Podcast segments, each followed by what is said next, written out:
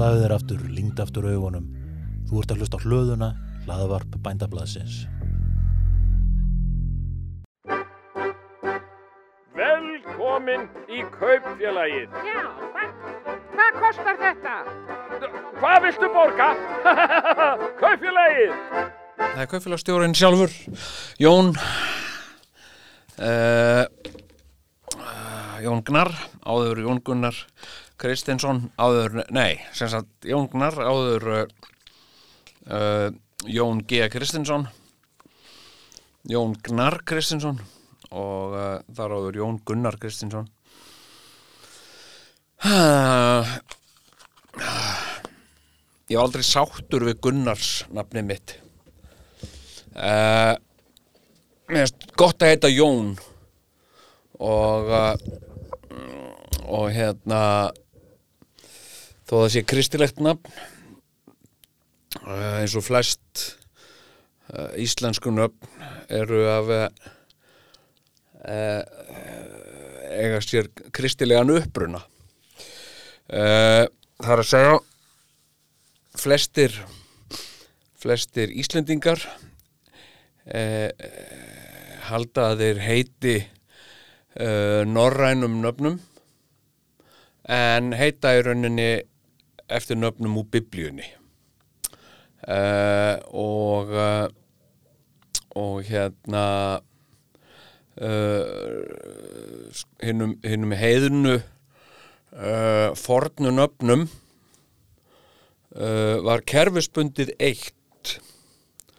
Og uh, uh, uh, og þegar að, þegar að uh, fólk uh, tók kristna trú tók um nýjan sið sem sagt í átta let skýra sig. Uh, og hétt einhverju einhverju forn germansku nafni þá tók það gjarnan eitthvað kristið nafn í staðin sem varð síðan nafnið sem fólk var þekkt af frá því. Uh, og f- flest flest uh, nöfn á Íslandi uh, eru bara uh, hérna útgáfa af biblíunöfnum og uh, Jón er það.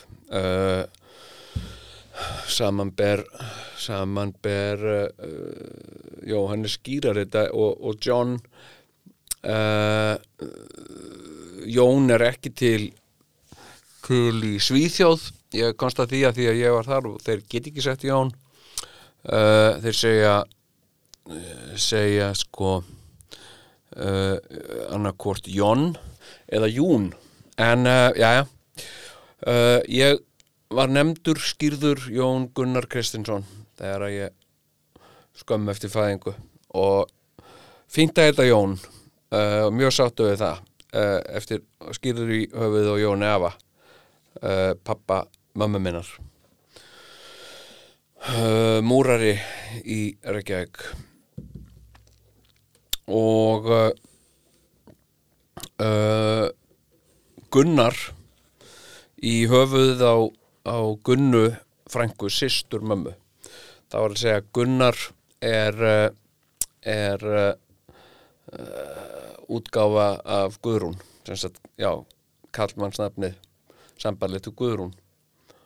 Uh, og og Guðrún var köllu Gunna þannig að ég var Gunnar og uh, uh, og ég var aldrei sáttur við þetta. Mér varst þetta aldrei uh, ég man bara eftir því bara uh, þegar að ég var hérna lítill þá var ég hérna ekki einhvern veginn sáttur við að heita Gunnar. Og uh, og svo var ég Kristinsson. Jæja, það er annar önnur saga. En, uh, en hérna, ég hefði alveg til mis hefði ég heitið Jón Guðrún eða Jón Gunna ég held til mis Jón Gunna hefði ég heitið Jón Gunna hérna hafði ég, held ég aldrei breytt namninu mínu sko. Hérna hétti bara Jón Gunna í dag og, og, og er bara mjög sáttur við það. Uh, uh, já já hérna uh, það er svona jólaþáttur í dag og og uh, og ég er að uh, svona fara yfir uh, jólin með ykkur. Og glænýtt bændablað hérna með virkilega fallegri tekningu hérna eftir Þorstein gleðilega hátíð. Og og það er svín og kind og, og hestur og, og belja og, og hundur. Sem að fagna hér í jólafíling. Uh, ég verð að segja að uh, ég skal bara viðkenna það. Mér, sko ég mér, mér, uh, mér leiðast uh, mér leiðast jólin. Uh, ég er ekki neitt jólabatn og uh, mér er alltaf, alltaf svona að ég ekki leiðast. Þetta samgleðst ég fólki og, og svona alveg uh, mér finnst þetta samt sko svona aðeins of mikið. Finnst of mikið gert úr þessu uh, og og hérna og það er uh, svona mikið sem að uh, já, það er svona farið offari finnst mér í mörgu. Og uh, mér leiðist uh, svona tónlist alla jafna. Og, uh, og ég bara ég get ekki hlustað, ég hlusta ekki á tónlistin til ánægju.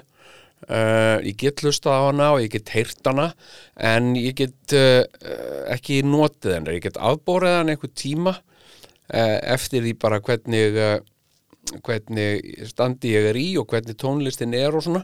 Uh, og söma tónlist á ég erfiðara með en aðra. Uh, ég er, er, er uh, náttúrulega sem uppalandi og fórildri hefur verið tilneittur til að hlusta á ógrinni uh, sko leiðinlegra barnalaga spilara aftur og aftur og aftur.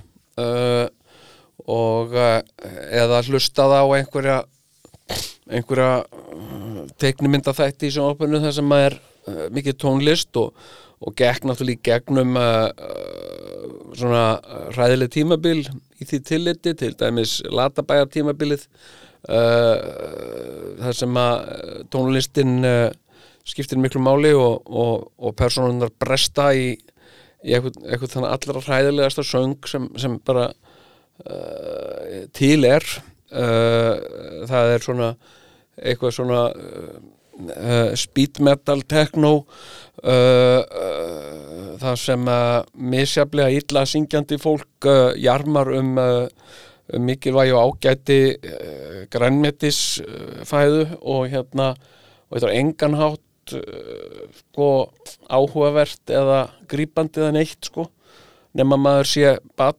og, og til þess er þetta náttúrulega gert og virkar vel þannig. Og hérna og hérna uh, já en sko uh, íslensk jólalög finnst mér bara einhver allra leiðinlegasta tónlist sem að nokkur manni hefur dottið í hug. Uh, hvort sem að það er uh, svona þekkt uh, erlend lög þekkt, erlend jólalög eða þekkt hérna einhver dægurlög sem búið er að klína hérna íslenskum text á. Og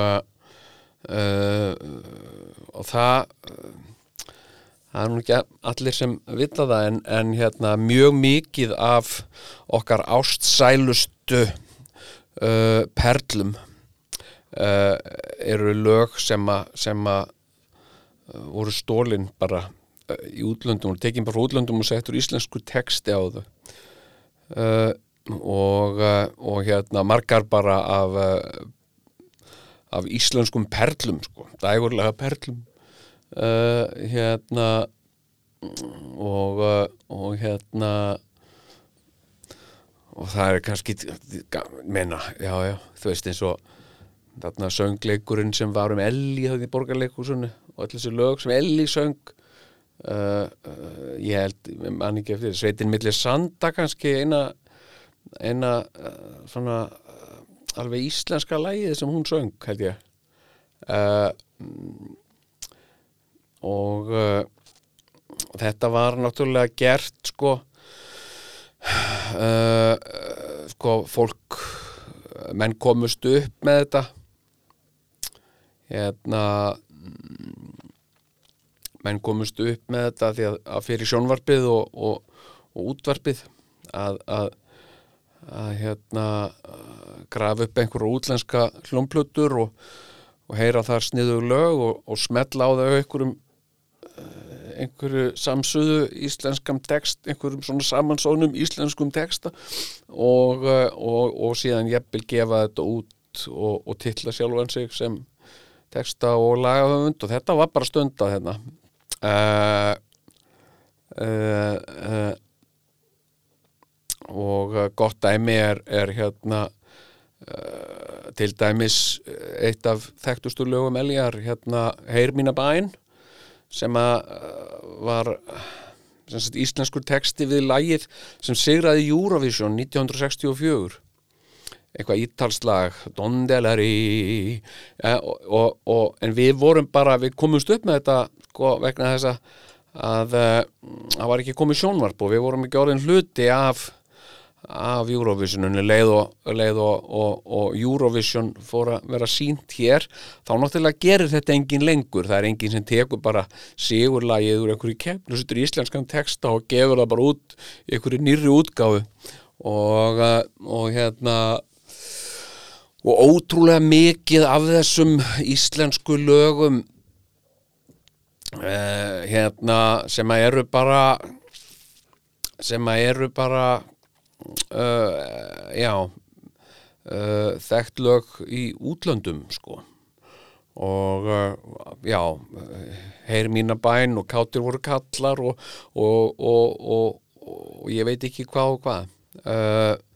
Það er hérna mm, já, það er skemmtilegur ef að fólk vil afla sem eru upplýsingu, það voru nokkuð svolítið skemmtilegur Facebook hópur sem heitir Erlend lög með íslenskum texta það sem er bara haldið utan um nokkuð uh, nokkuð áhugaverðan uh, áhugavert skjál það sem að það kemur fram sem sagt hva, hver er upprjónulegur titill og höfundur margra uh, þekktra íslenskra laga sem bara stólið með húð og hár.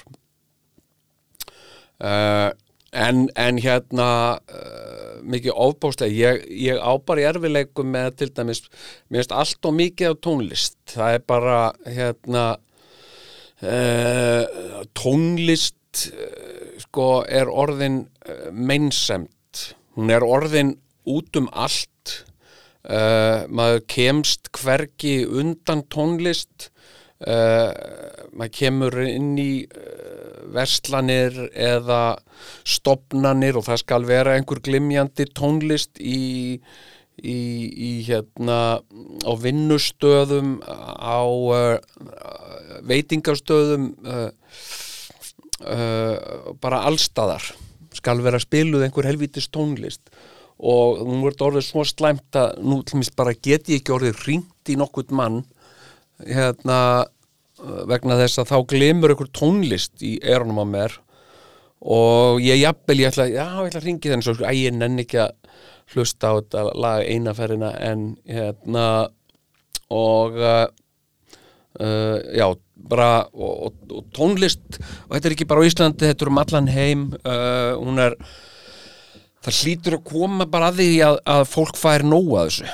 Bara hérna uh, sko áttar sig á því að þetta er, þetta er gengið og langt og, uh, og, og fer að draga niður í tónlistinni aftur. Og uh, uh, og þannig blir svo tónlist sem verður að spila sé, sé eitthvað sérstaklega góð og alveg sérstaklega ekki um jólin. Mér leiðast þessi jólalög alveg afskaplega mikið. Uh, nema kannski einstaka lag eins og, eins og eitthvað svona eftir hana Ingibjörgu Þorbergs eða eitthvað svona hérna mm, vísan um jólaköttin eða eitthvað svona. Minnst uh, hérna en megnið að þessu er bara uh, hróðbjóður sko, algjör hróðbjóður uh, á að hlusta. Og og hérna uh, og svo er þetta líka bara svona þetta er takmarkað úrval af lögum og, og, og gerðnan sagt verða sum þessara laga uh, einhver svona hluti af þessari jólastemningu svo kalluðu uh, og, og, þá bara verða þau klassísk og, þau eru bara spiluð aftur og aftur og aftur og byrja óma einhvern tíman í november uh, og óma út allan desember uh, allstaðar uh, og þetta er meira að minna sami ræðilegi playlistin uh, og ég ætla nú ekki að nefna uh, þessi lög en, en hérna þau eru hvert öðru verra og, og uh, já, mér bara mér, mér, leiðast, mér leiðist tónlist og þessi, þessi tónlist leiðist mér alveg sérstaklega mikið. Mér mér- finnst hún, mér finnst hún uppáþrengjandi og og hérna og ég bara ég fyllist deburð og uh, köpnunartilfinningu þegar ég þarf að sitja undir svona, svona gargi uh, og uh, já uh, það er nú svona uh, þessu en svona uh, jólin hafa svolítið hérna sko svona uh, já, þau þau eru náttúrulega og, og kannski skiljanlega uh, það, er, það er hægt að ég get alveg skilið það sko að, að, að jólin eru eru hæpuð upp og síðan, síðan er svo mikið svona uh, svo mikið bull og, og, og, og hérna er svo mikið bull og vittleisa uh, tengt jólunum uh, eitthvað svona einhvert svona tal eða eins og kallað er orðræða sem að, sem að í mér að því að ég er, er þekktur þekktur kall á Íslandi að þá uh, þá gjarnan svona eitthvað í desember þá er verið að gefa út eitthvað jólablað uh, og það er þá í mist uh, morgumblaðið eða, eða fréttablaðið eitthvað svona. Og það er viðtal við uh, svona nokkara þekkta einstaklinga. Og þetta er líka svona ef ég mæti ykkur viðtölu eða eitthvað svona ef ég er að kynna eitthvað er að reyna að kynna eitthvað sem ég er að gera fyrir jólin eitthvað hérna mm, þá spurður um þetta ertu, ertu, ertu mikið jólabatn Jón? Nei, ég er ekki jólabatn og hérna uh, og uh, uh, og þessi svona þessi uh, sko þessi þörf okkar og við erum svolítið uh, bara mína, alla mína ævi hefur verið lagð lögð tölvert mikil vinna, vinna í það að skapa íslenska jólahefð vegna þess að, að jólin uh, eru uh, tiltölulega uh, sko jólahald er tiltölulega tiltölulega mikil nýjung á Íslandi. Uh, og þau það var ekkit byrjað að halda upp á jólin uh, með því sniði sem við þekkjum fyrir en, hérna á Íslandi fyrir en, fyrir en uh, svona almennt fyrir en uh, eftir stríð. Og, uh, og það var nú bara einfallega vegna þess að, að uh, fólk fram að því hafði ekki efni á, á þessu og eða tök á því að uh, mm, að uh, halda upp á jólin með, með, með skreitingum og jólatrjám og, og slíku. Og það var meira eitthvað sem að sem að uh, svona alþýðu fólk á Íslandi uh, sá gert, gert í Danmörku. Og, og, og það voru, það voru danir gjarnan sem, sem byggu hér sem að, uh, heldu jól sagt heima hjá sér með, með jólaskreitingum og jafnvel með, með því að, að, að skreita og lýsa upp uh, gre, lítið greinitri sem sem það hafði hokkið einhverstað niður. Uh, en, en þetta var ekki almennur siður á Íslandi. Uh, Íslendingar uh, sko og ég er nú verið að lesa, verið að lesa um þetta í sögu dagana eftir Átna Björnsson.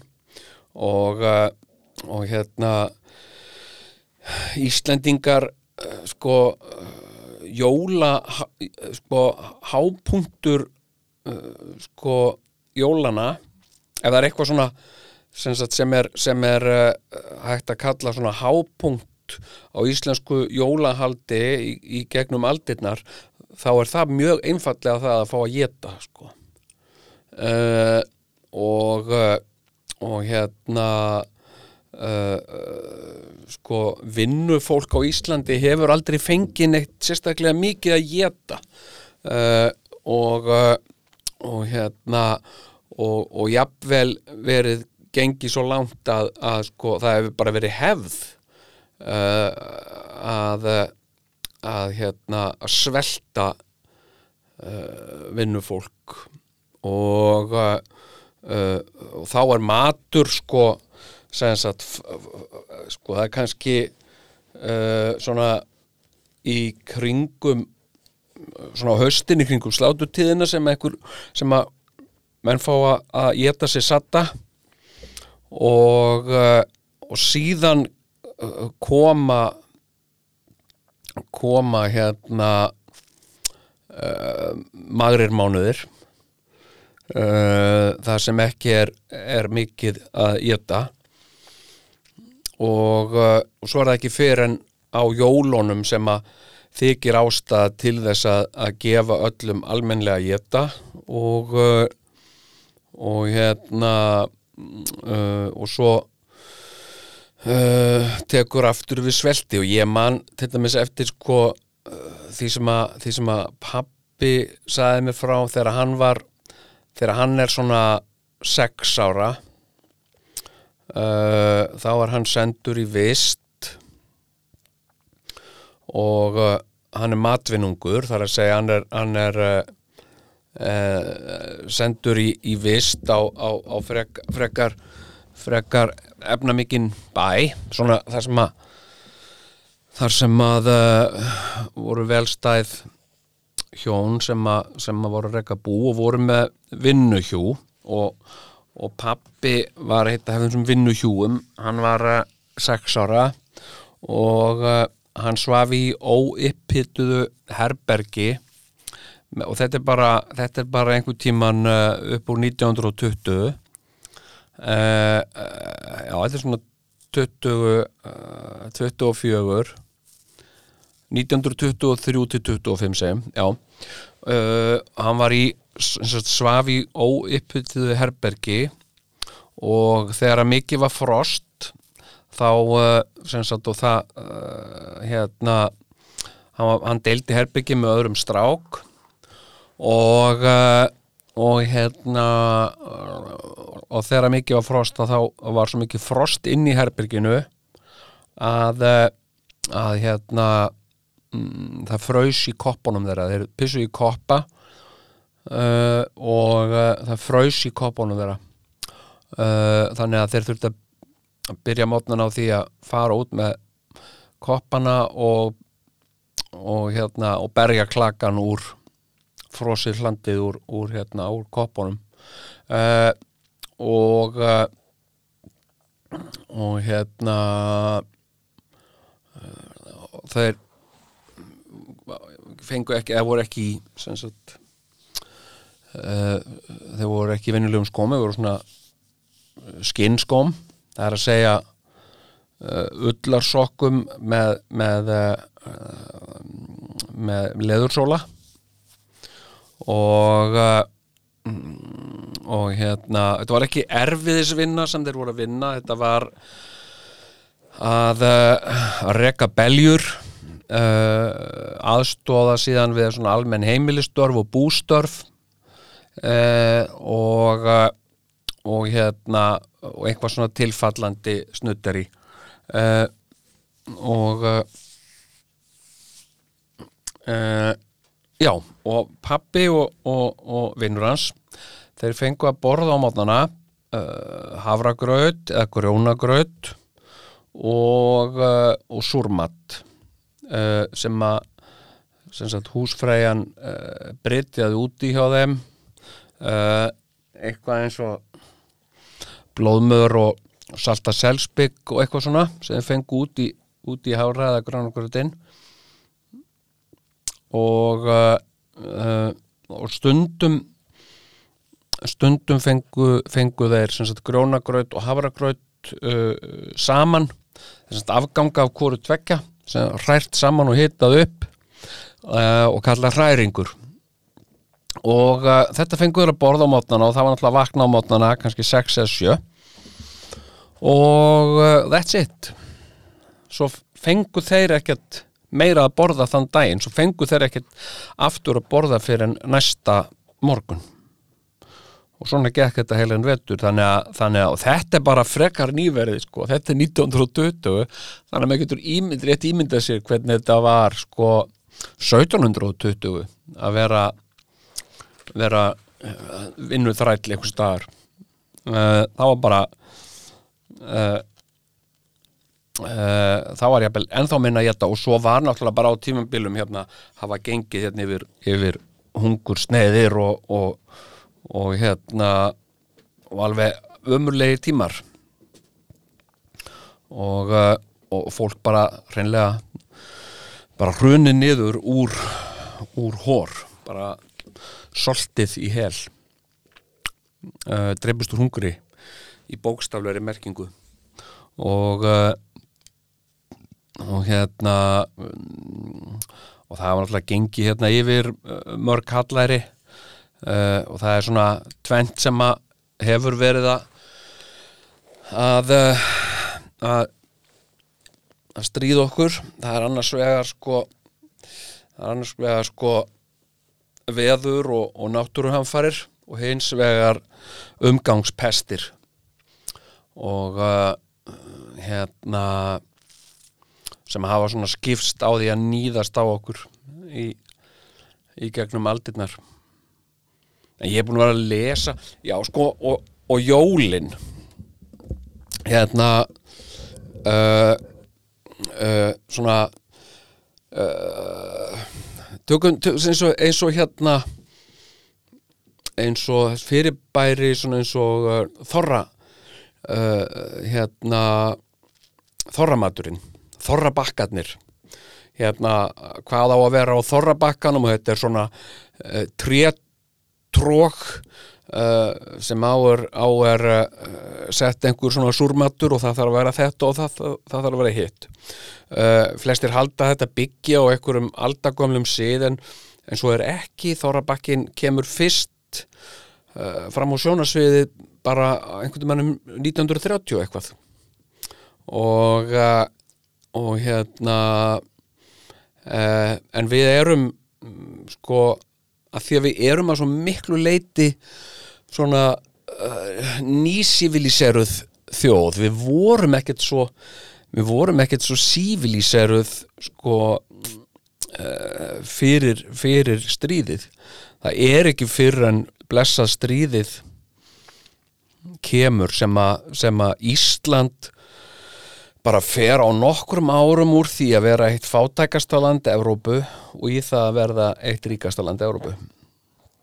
Og, uh, og þá kemur uh, civiliseringen en það sér maður líka bara sko uh, eins, og, eins og myndir myndir uh, frá Reykjavík fyrir svona 100 árum síðan.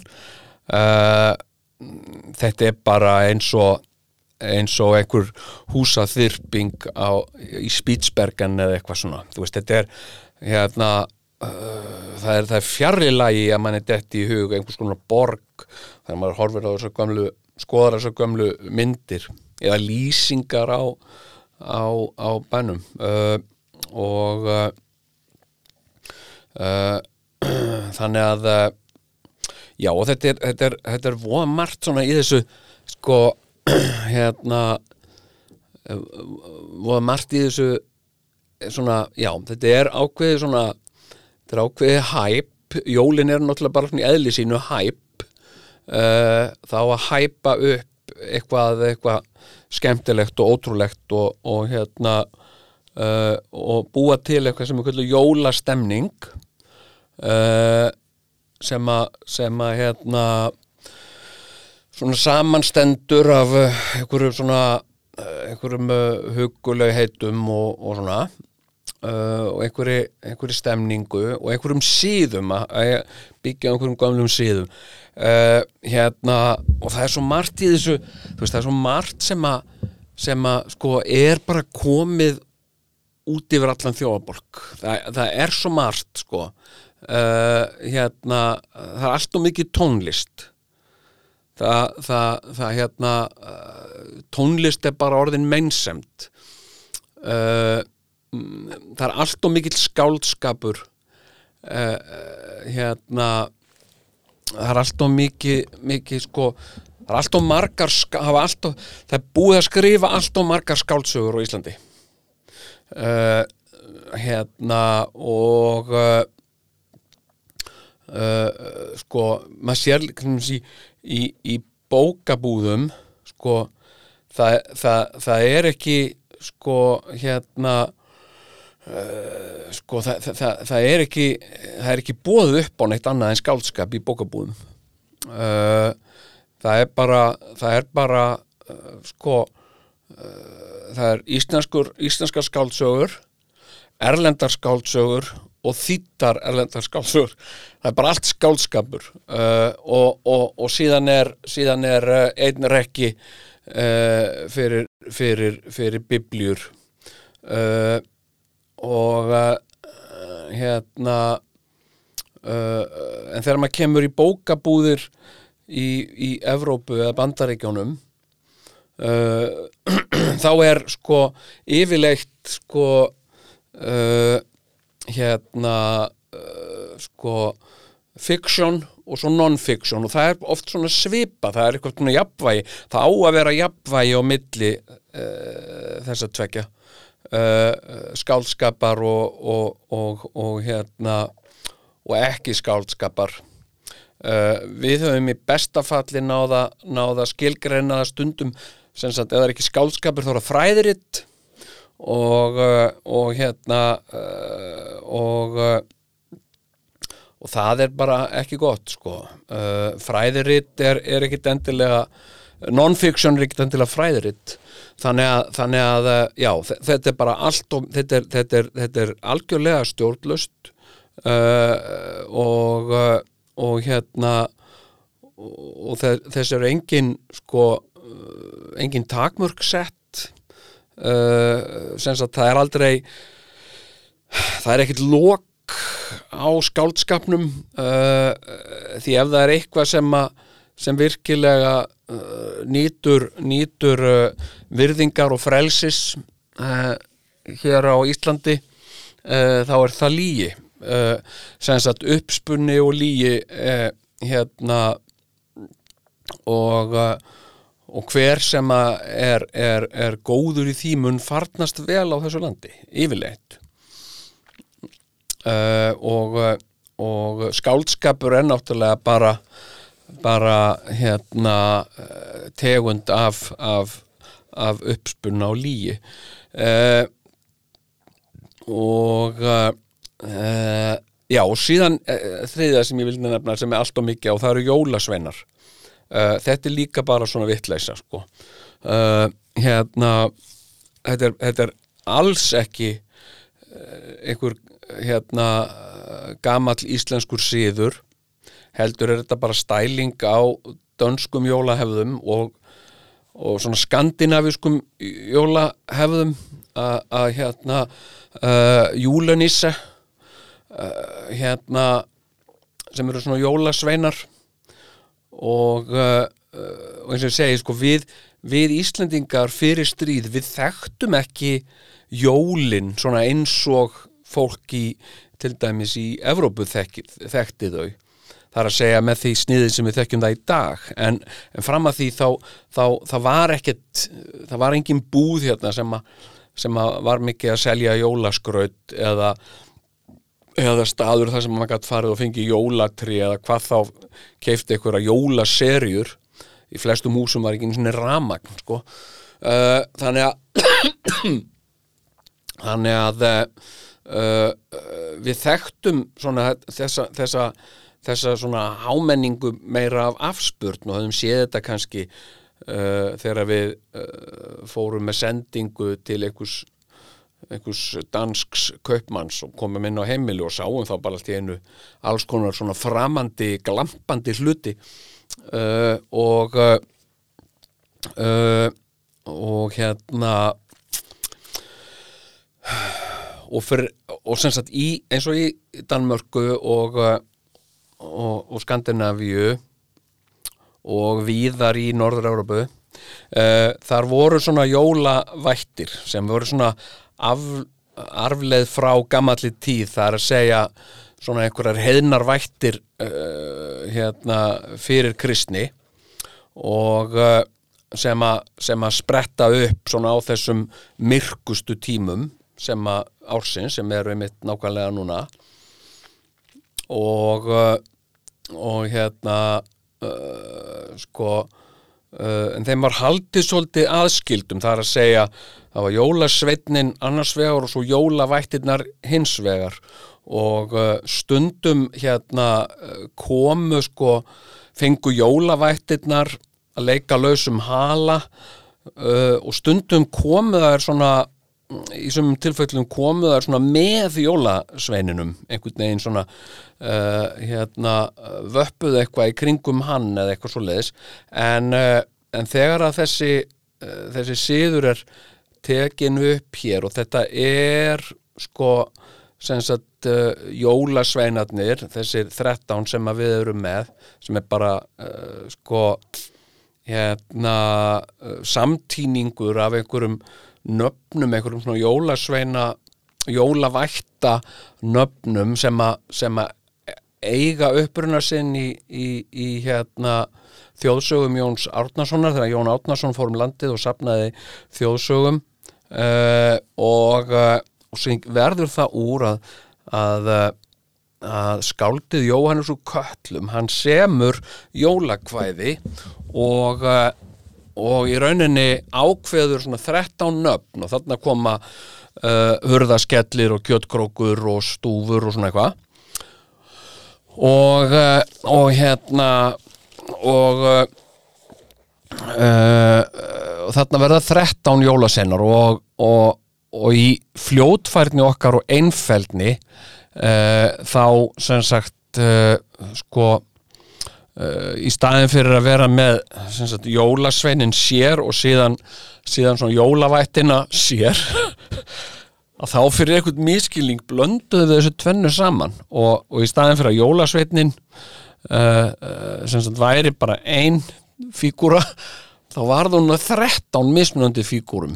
Og uh, og, og svo í rauninni svolítið sitjum við uppi með svona tvöfalt jólasefna kerfi uh, hérna við erum sem sagt með íslensku jólasefnana svokölluðu sem að voru fundnir upp 1900 hvað maður segja, þeir hafa búnir, búnir til eitthvað 1953 eða 54 þeir eru ekkit eldra en það sko og eiga upptök sín aðalega í þessu kvæði eftir, eftir Jóhannes og Köllum uh, og uh, og hérna uh, sko og svo eru, eru þeir allir.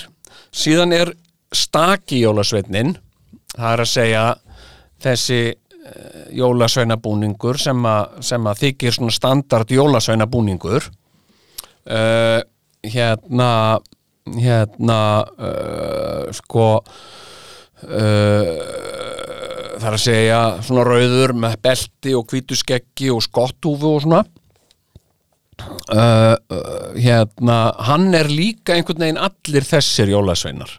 Og stundum sér maður jólasveina fara um uh, annar stór og annar lítill og þá segjast þeir vera stekkjastöður og stúfur. Þá eru tveir jólasveinar sem eru klættir eins og eins og, eins og Sante uh, eins og Sankti Klaus uh, þetta er bara náttúrulega tómum miskilningur uh, ef að þessi svokvöldu gömlu íslensku jólasveinar ef maður ætlar að vera þeir þá ætti maður í rauninni að vera klættur eins og umrenningur á átjóndöld.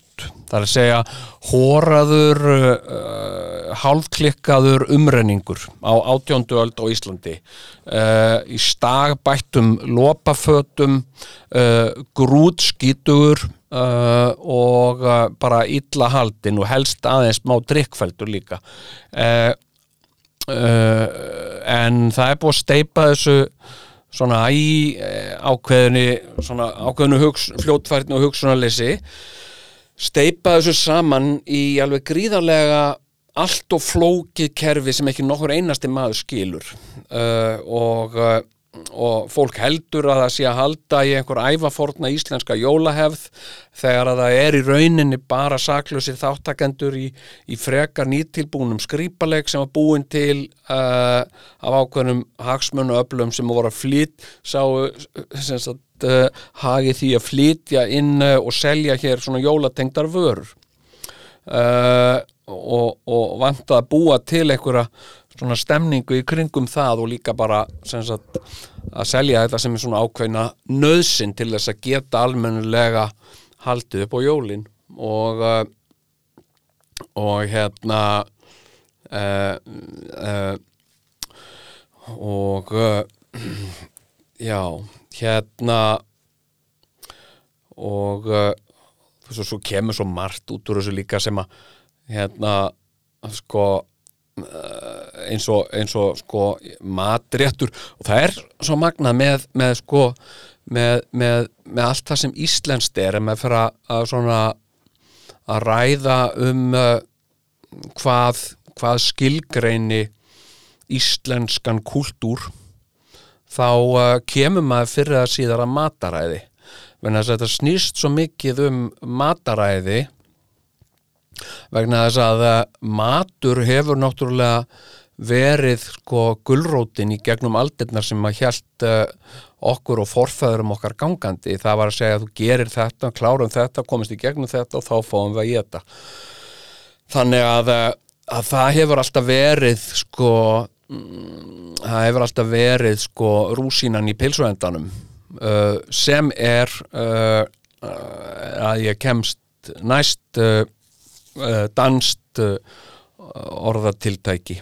Uh, hérna Danir eins og margar Norður-Európu þjóðir eiga sér langa hefð af pulsugerð og og hérna við höfum enga slíka hefð. Og hér hefur aldrei verið nein, nein, neinir pulsugerða mestarar eða, eða, eða neitt, neitt svona pulsukúltúr ekki fyrir en bara SS tóku að dæla út uh, uh, sko uh, pulsunum sínum sem, a, sem að þau kölluðu vínarpilsur sagt eftir borginni eftir Vínarborg sem sagt uh, uh, og, og sem er tilbreyði við alþjóðlega uh, heiti á pulsu sem er víner hérna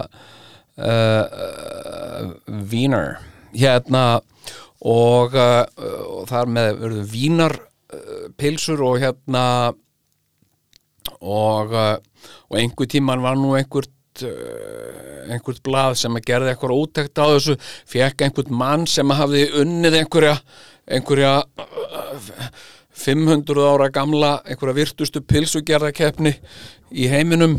Einhvern þýskan pilsugerðameistara fengan til að smakka íslenska pulsur og, og hérna og þær fengu nú ekki háa engun hjá honum. En, en hérna en rúsinan í pilsuendanum það er vist eitthvað sem kemur frá svona pilsugerða meisturum Evrópu.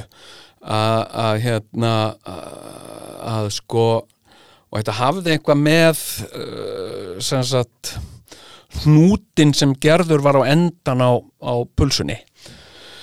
Uh, uh, hvort að sem sagt hérna uh, hvort það var sett uh, rúsína eða eitthvað svoleiðis í endan á hnútum eða hnúturinn hnýttur með rúsínu eða eitthvað svoleiðis. Og, uh, og hérna uh, og þótti smá bræðbætir af þegar maður uh, slafraði í sig heitli pulsu að fá svo rúsínuna í lokin svona, svona aðeins svona, svona munngott svona, svona sætt aðeins í lokin. En, uh, en hérna ég man það samt ekki alveg nákvæmlega. En, uh, en sko það er að minnst að hústi rosalega uh, fá íslensk orðatiltæki eða málsættir sem, a, sem að ekki eiga sér uh, sko uh, erlenda fyrirmynd. Það er að segja sem að, sem að það er að segja orðatiltæki sem að hafa verið uh, uh, fundin upp hér og er ekki til í nefnu öðru tungumáli, það eru mjög fá. Uh, en, en þó nokkur og, og hérna og, og svona með minnir að flesta þeim tengist sko að hérna sjómennsku.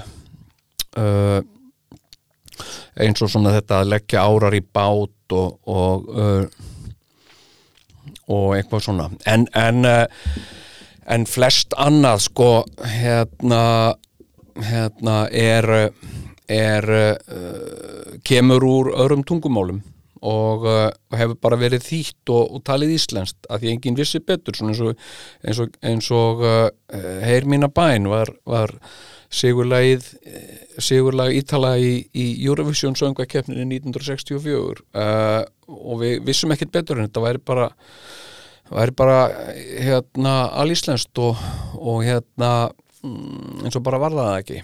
Og, uh, og þetta með sko orðatiltæki uh, hérna orðatiltæki og málsætti Uh, hérna uh, sömur aðeim eru líka sömt aðeins er, er fyndið sko eins og að uh, sko hérna eins og þetta orðatiltæki að gera úlvalda úr mýflugu það er að segja að gera of mikið úr einhverju. Sko þegar við bara hugsum um einhver svona orðatiltæki eins og já hérna, gera úlvalda úr mýflugu Uh, þá náttúrulega þegar við fyrir að skoða þetta uh, að þá er sko uh, sko bæð, báðar dýrategundunar sem er verið að vísa í bæði úlvaldi úlvaldi er náttúrulega algjörlega óþektur hér á landi aldrei verið neynir úlvaldar úlvaldar hafa verið víða þeir, þeir voru fluttir inn til Ástralíu og, og þeir voru fluttir inn til Bandaríkjana og svona, þeir hafa verið við það en aldrei á Íslandi. Og og hérna þannig að, að, að ætla sér að gera úlvalda úr einhverju er svolítið langsótt sagt, lengst upp á Íslandi. Og mýflugur, það er nú ekki mikið af mýflugum uh, hér á Íslandi. Uh, og maður getur alveg komist í gegnum heilt sumar á þess að sjá nokkuð tíman eða vera nokkuð tíman var við einhverja mýflugur uh, og ekki er nú moskító hér.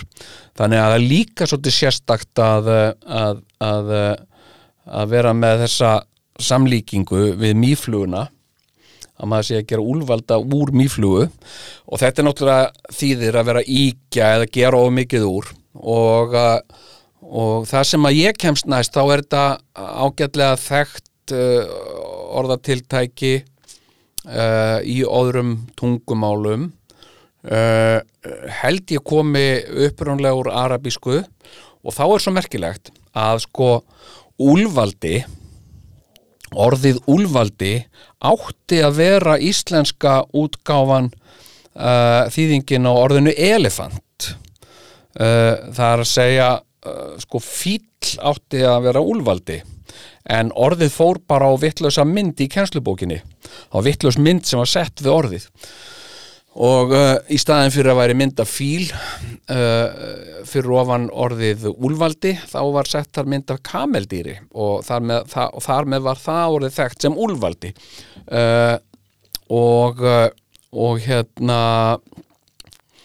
og svo er svo merkilegt að, að orðið fíl uh, sko það er komið úr arabísku líka. Mjög merkilegt. Uh, hérna hérna uh, nú læti ég gamminn gæsa maður. Hérna mm, já, sagt og, en orðatiltækið uppránulega er sem sagt það að gera fíl úr, úr hérna uh, hérna að gera fíl úr mýflugu. Uh, en svo náttúrulega uh, týndist uh, fílinn, það er að segja úlvaldinn inn í sagt átti náttúrulega að vera að gera, gera eh, sagt úlvaldi átti náttúrulega að vera fíl þannig að, þannig að hérna þetta er náttúrulega bara vittleysa og þegar maður sér svona vittleysu og maður, maður áttar sig á svona vittleysu þá finnst mér nú yfirleitt réttast að, að, að reyna að aðeins að, að, leðrétta hérna uh, og reyna svona að laga og svona en, uh, en hérna uh, þannig að sko og svo er náttúrulega svo eru jólin eru sko eru ofan á sko ofan á allt saman þá eru þau náttúrulega kristin uh, kristin hátíð. Og, og hef, hafa verið það sko hérna uh, sko í þúsund ár. Uh, það er að segja sko nú, nú, nú heldu sko heiðið fólk fagnaði á þessum ástíma og uh, og sem sagt orðið jól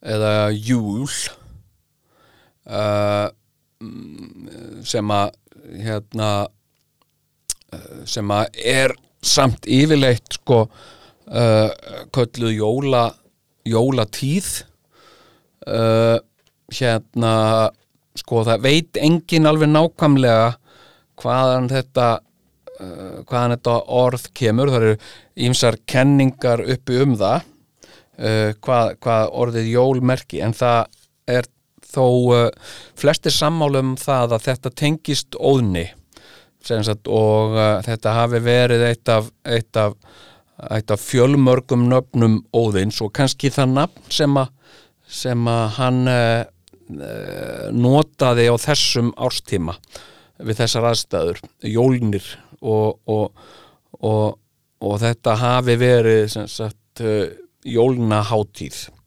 uh, og uh, sko Óðinn var náttúrulega uh, skáld og, svona sprellikall sko og kannski kannski var hann svolítið svona hann var svo mikið svona velviljaður fólki og, kannski var hann svona að einmitt að reyna að létta fólki í lundina og líka svona að, hérna, tala í það kjark og hugrekki og, og, og þór í gegnum, gegnum þessa dimmu og köldu daga. Og kannski var þann þá, var þetta svona karakter sem Óðinn fór í, sem var svona jólnir sem var svona hálgerður jólasveit, sko, svona sprellikall og, og hérna og hvatti fólk bara til þess að að vera glatt og, og hérna og þrauka því að nú, nú færi bráðum að byrta en, eh, en hérna en svo er náttúrulega búið að sko sem sagt uh, sko tróða kristnin inn í þetta og, og hérna og þetta heitir upp á ennsku kristmas eða mes, kristmessa og hérna og hérna og það er gert, gert mikið úr jólaævintýrinu og, og Jésu þarna fættist á þessum tíma og, og hérna og og hérna og dó svo þannig skömmu setna bara nokkur mánuðum síðar. Uh, hérna uh, sko og, og það er náttúrulega líka bara svona það er svona uh, það er líka svona ákveðin skáldskapur og Jésu Kristur er náttúrulega bara fyrst og fremst uh, sko skálskapapersona uh, og uh, þá er ég ekki að segja það til þess að til þess að vera halda því fram eða, eða, eða vera neikvæður eða leðnilegur, ég er bara að segja það eins og það er. Það er það að segja sko heimildir um um Jésu eru, eru úr skálskapi, eru úr uh, nýja testamentinu og guðspjöllunum og, og hérna mm, og uh, uh, þetta er ekki biblían er ekki sko uh, já, ég menna hún er ekki byggir ekkit endilega á uh, því, sem að, því sem er talið vera sagn, sagnfræðilega rétt eða eitthvað svoleiðis og, og, uh, og það er engar heimildir eða ákaflega litlar og vafasamar heimildir til um Jésu í, í öðrum ritum frá, frá svipum tíma heldur en úr, úr biblíunni. Og uh, það er ekkert það er engar fortlefaransóknur sem styðja uh, styðja við þetta sagt að, að, að, að hérna að, að Jésu hafi raunverulegt verið til sem sögulega persóna. Og, og hérna og svo var náttúrulega mm, svona flest af því sem að markverðast tótti sem að hann gerði sem að var hún einn svo gullu kraftaverk þetta verða að teljast bara mjög vafa sami gjörningar. Það, það, það gerir engin svona eins og, eins og til dæmis og það, það verður náttúrulega ekkert sannað uh, með það sko. Uh, hérna uh, en sem sagt sko það er mjög ótrúlegt að, að nokkur maður geti lappa á vatni og sérstaklega ekki í vondu veðri. Og, og hérna þetta marg reyndi ég sem, sem uh, krakki að sjá að reyna að æfa mig að, að, að hérna lappa á vatni uh, ég gerði þetta alltaf í skólasundi tók ég tilhlaup og hljóp út í vatni og að reyna að sjá hvað ég geti tekið mörg skref. Að því ég held, jafnvel ég geti æft mig í þessu og náð bara leikni geti lappa jafnvel alveg svona tíu skrefi næðum og miklum hraða. Uh, en þau eruð aldrei meir en svona 2-3 mestalagi uh, hérna og uh, fór bara eftir því hvað ég var snöggur að reyfa lappirnar meðan ég sök uh, og, uh, og hérna og svona þessar lækningar sem að, Jésu á að hafa gert hérna sko svona þessi kraftaverk náttúrulega merkilegasta kraftaverkið hans var náttúrulega að, að, að, að vekja sem sagt vinsinn upp frá dauðum uh, hérna Lazarus sem að var sko sem að var vinur Jésúsar uh, og, uh, og Jésús er svo leiður að því að hann var búin að hlakka svo til að hitta Lazarus og svo kom hann og sagði, hei, hvað er Lazarus? og allir bara, hann er bara dauður. Að ég trúi því ekki, hvað er það, fylgjið mig til hans? Og eitthvað svona. Og, uh, og hérna og og hann bara vakti uh, Lazarus upp frá döðum og þarna var hann alveg sko, hann var alveg byrjar að rotna sko. Þegar að Jésu kom og sagði, þetta gengur ekki, það er parti hérna og þú mætir bara, það er skildumæting ha, og, og hérna, og vakti Lazarus upp og, og svo átt hann náttúrulega eftir að endur taka þetta svolítið með sjálfum, sjálfum sér að því hann reist náttúrulega sjálfur upp frá döðum þetta er allt saman mjög vafasamt.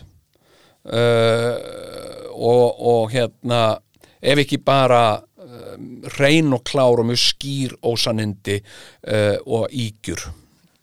Uh, hérna uh, svona getur engin, engin maður gert og, og hérna og, og þetta með, með mömmans til dæmis að, að sko hún hafi uh, eignast uh, hérna Jésu og hann hafi átt sko, það kemur nú fram hérna í því Markusar Guðspjalli þá kemur nú fram sko, hann átti sískinni uh, held ég eldri sískinni uh, mánu ekki hvort það kemur fram hvort þau hafi verið eldri eða yngri en hann átti að minnst ást í sískinni og, uh, og hvernig fór þá móður hans að því að, að, að, að, vera hrein mei og, og, og hvaða máli skiptir það hvað afhverju er það svona gríðarlega mikilvægt að hún hafi nú alltaf verið reyn mei hérna uh, og uh, sem sagt uh, voru, voru tvær marjur. Uh, átti Jósef uh, sem sagt uh, hérna átti hann konu sem hétt Marja sem eignaðast öll þessi börn og, og dó svo kannski af barsförum eins og algengt var, ekki óalgengt var með, með konur á þessum tíma uh, og fekk sér bara aðra konu, yngri konu sem hétt Marja og, uh, og hérna mm, og uh, og sem, sem gekk börnunum í, í móður stað og, og hérna eða hvað hva, hérna ég veit það ekki. Eh, sko já og, og hérna breyta vatn í vín sem, a, sem er svona mm, þú veist þetta er einhverjir einhverjir töframenn sem gætu hugsanlega púlað eitthvað svo leiðis það er ekkert alveg yfirgengilegt. Svo, en svo er annað sem er líka mjög merkilegt með, með hérna sko með Jésu og kraftaverkin. Þetta að lækna sjúka til dæmis sko hérna uh, uh, uh, hann læknaði blindamannin og og hérna hann sem sagt uh, gerði það þannig að hann, hann uh, náði í smá svona drullu og hrækti hana, hræði þessu saman í eitthvað svona í svona drullumögg og makaði þessu í augun á blindamanninum og, uh, og blindimaðurinn fekk sjón.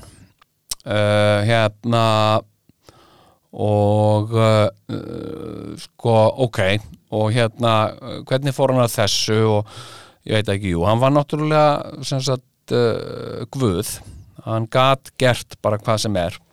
Uh, þannig að ég ég hef spurt mig til dæmis eins og með þetta úr því að Jésu og Guð uh, gátu og sáu ástæðu til þess að lækna blindan mann okkur gerðan ekki okkur stegan ekki skrefið til fulls og læknaði blindu? Okkur, hann ekki tækifæri þarna og, og, og útrýmdi blindu. Ég meina hann hefði alveg, átt að geta það eins og, eins og hvað annað eins og að vekja Lazarus upp frá döðum og hérna og hérna sko og, og Jésu sko uh, sem sagt uh, hérna vekur upp vin sinn sem er döður og er ekkit eitthvað neitt eitthvað sérstakur náungi neitt. Hann er ekkit eitthvað spes. En hvað með hvað með hérna uh, fólkið sem að, sem að þú veist, var að missa makan sinn eða börnin sín eða, eða þú veist uh, fjölskyldufæðurinn sem dó frá uh, frá veikri eiginkonu sinni og, og 13 börnum. Akkur kom ekki ég svo vakti hann upp og sagði hérna ég gati ekki hana, ég gati ekki hort fram hjá þessu ég var að hjálpa ykkur og hérna Uh, þetta náttúrulega gengur ekki að þú setja að deyja hérna frá þeim öllum og hún svona lasin og svona, já, þakkaði fyrir það. Veist, það hefði verið, það hefði verið hérna, það hefði verið virkilega virkilega göfugt góðverk. En þetta er bara einhvern veginn svona vek upp vinsinn að því að mann langar að djama með honum sko. Uh, hérna mm, að því að Jésús sjálfur var svo leiður yfir því gengdi engu ekki svo, ég viti, neinu líki hlutverki í neinu sko. Hann var bara þarna, hann var eitthvað svona félag Jésú og dó og Jésú vakt hann upp aftur og, og þeir heldur parti og svo reykt mér um hann sko. Uh, og og þessi saga sko sagt, og kannski er þetta þetta kannski er þetta þetta sem að, sem að gengur svo fram að mér uh, er þessi uh, sko mikli uh, sko mikið offar af skáldskap þetta er, er, er svo mikið mikill skáldskapur sem byggir bara á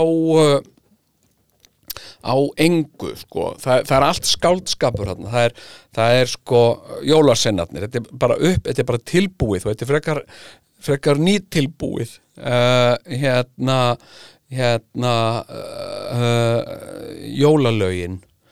Uh, þetta er ekki alvöru jólalög. Þetta eru, flesta þessu eru erlendlög sem var bara stólið og sett á íslensku og gefin út með íslenskun texta. Hérna já, þessi 13 jólasveinur og öll, öll svo vitleisa og síðan alvöru jólasveinin uh, alvöru jólasveinin uh, sagt, eins og svo margt uh, frá fyrri tíð líður fyrir að bara, og það er vandamál með svo margt sem við setjum uppi með núna að þetta var búið til á meðan að sko karlaveldið stóð í blóma og, það datt engum í hug að það kemur nokkuð tíman einhver kraf um það að það væri sagt eitthvað annað heldur en hvítur miðaldra maður sem að væri alltaf einhvern veginn center of attention. Uh, þeir tímar eru liðnir og munu aldrei koma aftur. Uh, og uh, og hérna þannig að jólasveitnin bara sko um allan heim sem persóna er í mikill tilvistar kreppu. Hann þarf einhvern veginn að uppfærast uh, og uh, hann þarf og mun þurfa að verða uh, sem sagt uh, óháður uh, kyni, kynneið eða kynþáttum og uh, og hérna uh, sko og maður sér það líka bara eins og, eins og fyrir, fyrir uh, sko svört uh, börn í Afríku hérna eða, eða börn í, í, í Asíu af hverju ættu þau að býða svona í ofvæni eftir því að feitlægin uh, hvítur vesturlandabúi uh, komið að heimsækja þau, er það ekki eitthvað skrítið? Uh, og uh, og hérna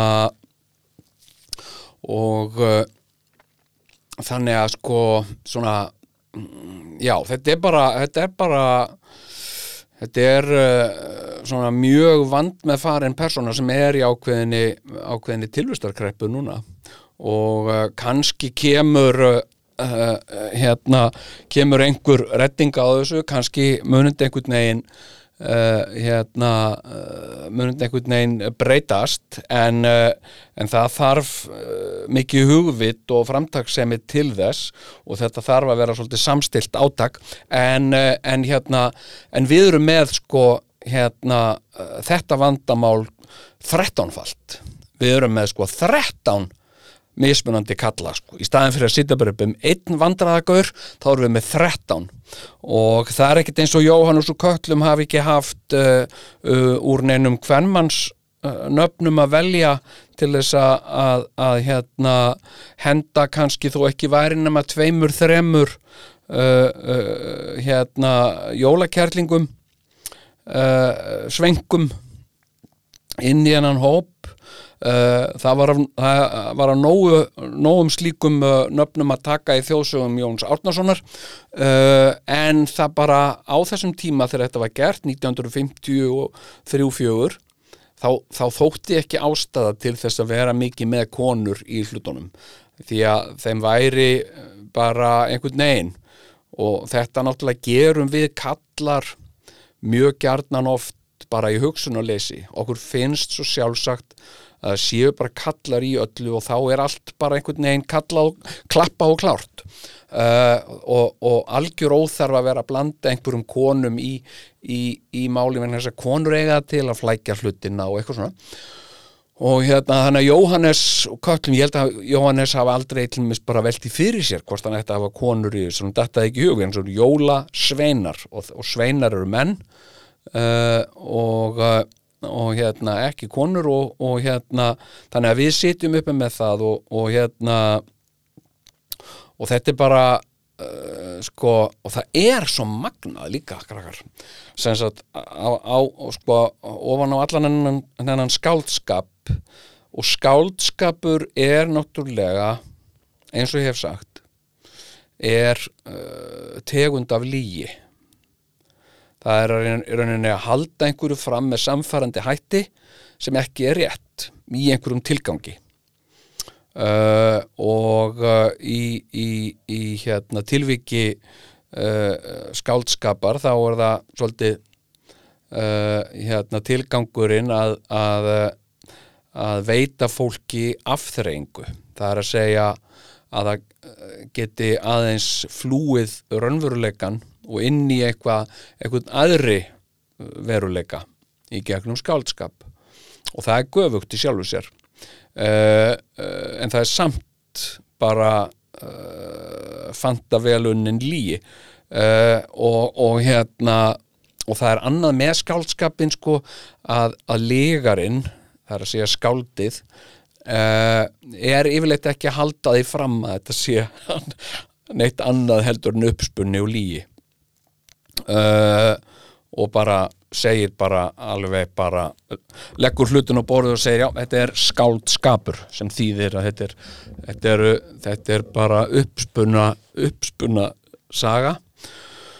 Og, uh, og hérna en það er svo merkilegt að á þessum tímum sem, að, sem eru jólin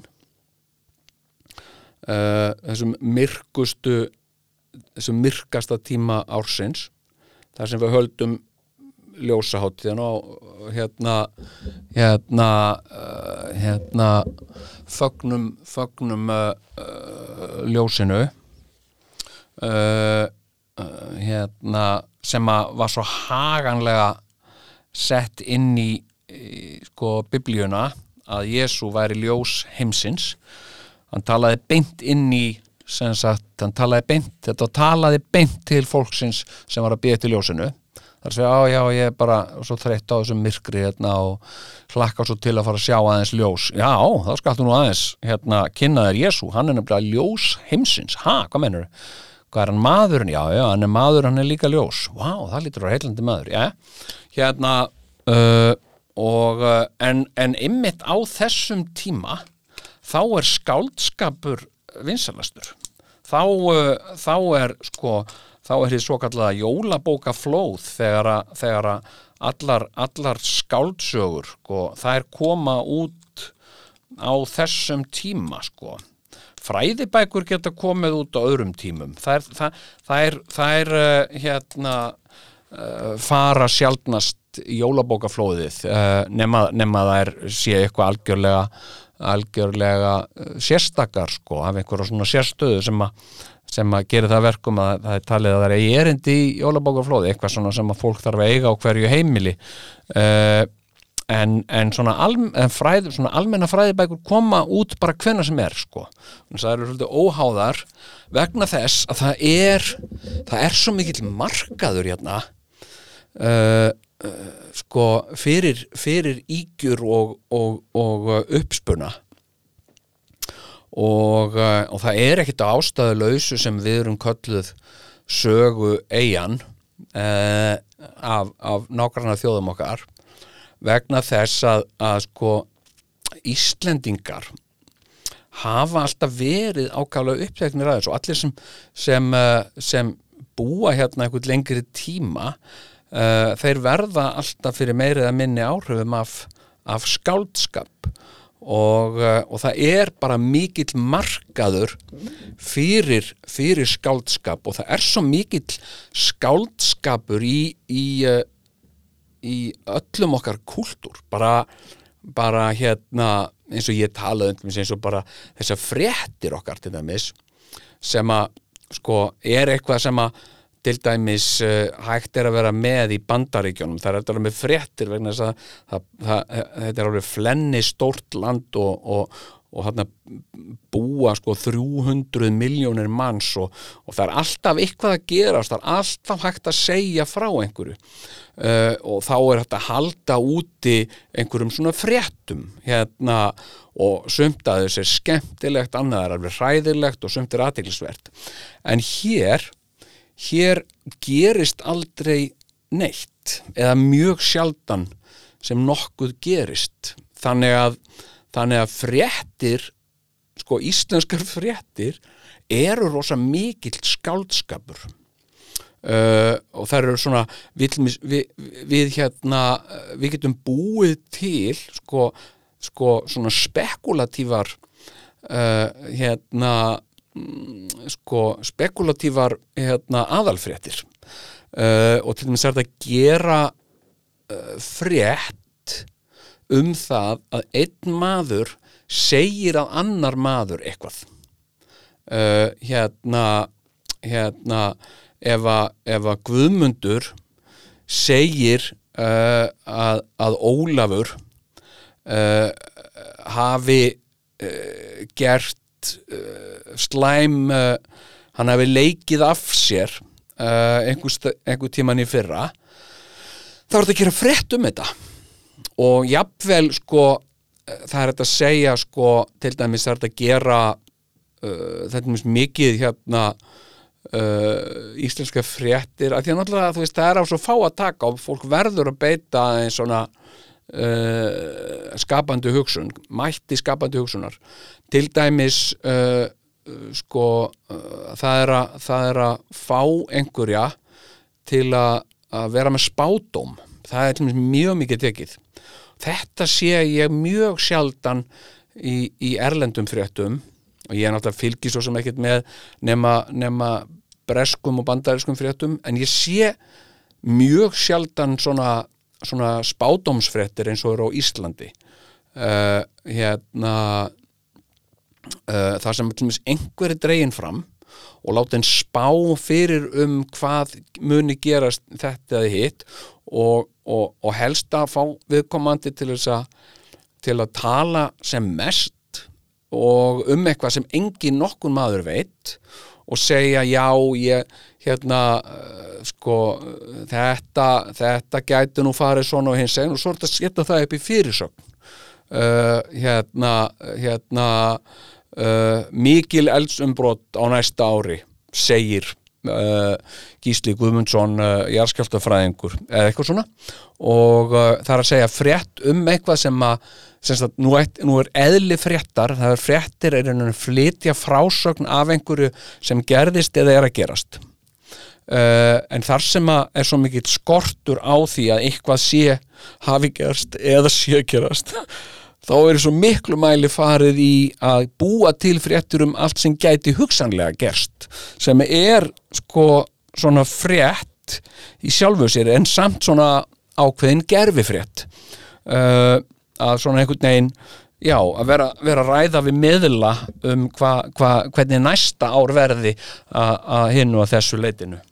En uh, ég uh, ætla nú ekki að hafa uh, jólaraust mitt lengra Uh, ég uh, þakka bara mínum uh, diggu hlustöndum fyrir fylgdina, fyrir samfylgdina á þessu ári. Það er búið að vera virkilega gaman að fá að sita hérna og, og þvaðra um allt og ekkert og hérna og, og líka ég tala nú ekki um að fá bara að koma hérna í bændahöllina á, á skrifstofu uh, bændarsamtakana og hérna uh, og fá að kynnast öllu því góða fólki sem hér starfar og fá að taka þátt í, í þessari metnaðafullu uppbyggingu hérna á þessu hljóðveri og, og þessu podcast uh, uh, samfélagi sem, a, sem að hér er, hefur orðið til og fá að vera hluti af því